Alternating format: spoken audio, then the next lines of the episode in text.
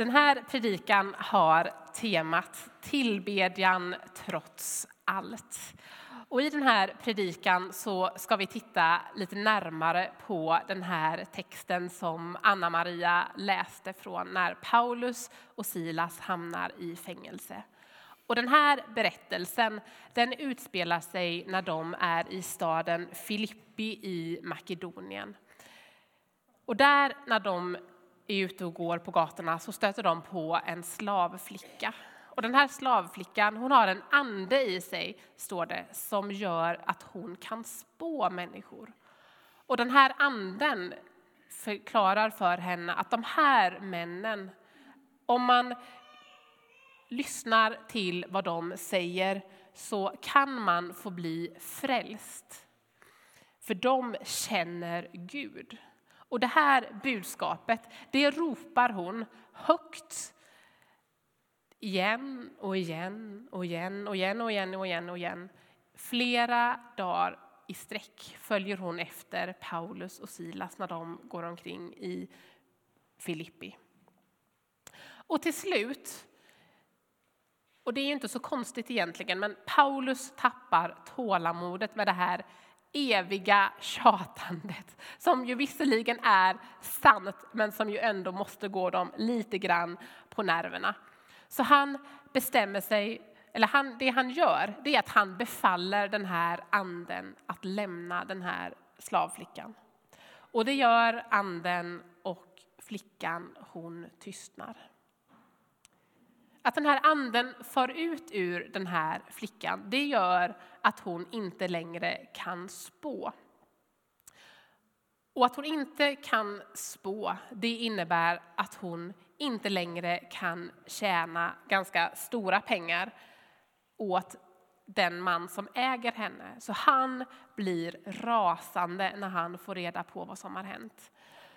Och det här leder till att Paulus och Silas ställs inför rätta i Filippi. Och de döms. Först så ska de piskas och sen så kastas de i fängelse. Och den som skriver den här domen han säger att se till att de hamnar i fängelsehålan allra, allra längst ner i fängelset. Där kan de få sitta. Vid den här punkten så ser det ju ganska mörkt ut för Paulus och Silas. Men trots det, så mitt i natten ber de och de sjunger lovsånger till Gud. De andra fångarna de hör ju sången, den sipprar liksom ut genom hela fängelset. Och de måste ha funderat på vilka galningar det är de har hamnat i samma fängelse som. Fattar de inte att de sitter i ett romerskt fängelse. Kanske för alltid. Kanske kommer de aldrig ut och så där sitter de och prisar Gud och ber till Gud. Plötsligt så börjar marken att skaka. Det skakar och skakar. Det är ett kraftigt jordskalv. Hela fängelset liksom skakas i grunden. Och dörrarna flyger upp. Bojorna faller av fångarnas händer och fötter. Fångvaktaren som har somnat på sin post, så där som man absolut inte får göra, vaknar liksom med ett ryck och ser nej. Dörrarna till fängelset står vidöppna. Nu har alla fångar flytt. Och så vet han att straffet för en fångvaktare som låter sina fångar fly, det är tortyr, död, lidande. Så han drar sitt svärd och tänker att nu gör jag slut på mig själv nu. För det är ett bättre öde än det som väntar mig om mina överordnader får tag på mig för det som jag har gjort. Men plötsligt så ropar Paulus på honom inifrån fängelset och berättar att ingen av fångarna har rymt. De är där allesammans. Så snälla, gör dig inget illa, ropar Paulus.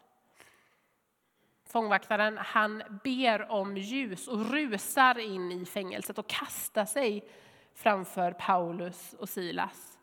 Och han förstår att den som har gjort det här, eller den vars Gud har gjort det här, de måste vara någonting speciellt. Så han frågar dem, vad ska jag göra för att räddas?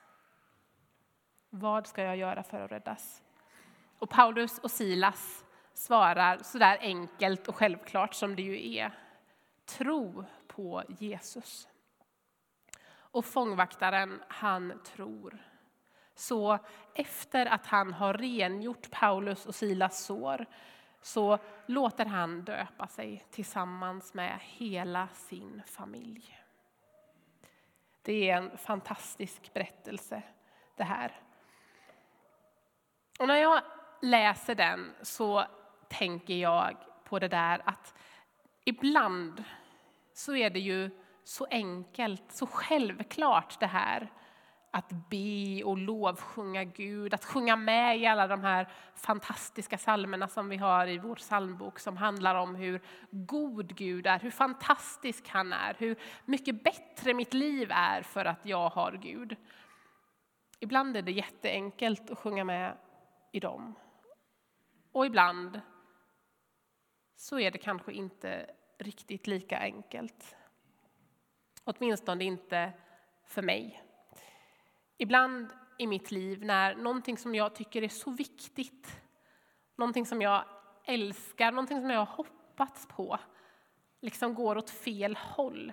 Ehm, det där viktigaste går helt åt skogen. Så kan jag ibland fråga mig om Gud verkligen är god. Eller är det kanske hans allsmäktighet som det är fel på? Hur kan Gud vara både god och allsmäktig när det finns ondska, när det finns lidande i världen? Ja, ibland så bränner den här frågan liksom till lite grann. Och jag tänker inte lägga resten av den här predikan på att resonera kring olika tänkbara lösningar på den här frågan, eller teodicéproblemet som det brukar kallas.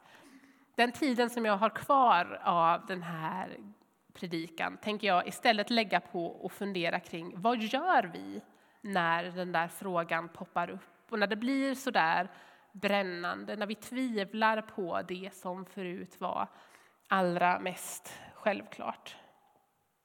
För jag tror att vi faktiskt kan välja här. Spontant kan det vara enkelt att vi väljer att dra oss undan Gud, dra oss undan församlingen.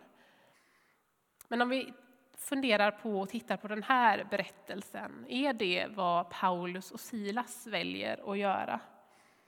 Nej, de väljer, vänder sig till Gud. Mitt i mörkret, mitt i ovissheten, så väljer de att be och att lovsjunga Gud. Det är det första jag tänker att vi kan lära oss från den här texten. Det finns inget problem som är så stort, inget mörker som är så kompakt att vi inte kan dela det med Gud. Och det finns inget mörker som är så kompakt eller problem som är så stort att Gud ändå inte förtjänar vårt lov. Den här predikan har som sagt var temat tillbedjan trots allt. Och det tänker jag att det kan vi ta med oss, en uppmuntran att tillbe trots allt. Lärdom nummer ett. Vi kan dela vårt jobbiga med Gud. Gud förtjänar vår tillbedjan trots allt. Det andra jag tänker att vi kan lära oss från den här bibeltexten det är att allting blir lite enklare när vi delar det med en kompis. Man skulle kunna tänka sig i den här situationen som Paulus och Silas befinner sig i att, de, att Silas framför allt hade varit lite sur på Paulus, som ju faktiskt var den vars fel det är, att, eller var att de hamnade i den här situationen. Man hade kunnat tänka sig att nu kunde de ju inte dela på sig så mycket. De satt i samma fängelsehåla, fast i samma stock med benen, men ändå satt så gott det nu gick med ryggarna mot varandra. Men det gör de inte, utan de delar mörkret, delar sina bekymmer. Inte bara med Gud, utan också med varandra. De satt där tillsammans. Och det tänker jag får vara lärdom nummer två från den här berättelsen. Att vi kan dela vårt jobbiga med en kompis. Och sen tror jag också, som en tredje punkt, att det är viktigt att komma ihåg att även när vi har svårt att se det, så är Gud god. Även om det, när det inte går så som vi hade önskat, så är Gud ändå Gud.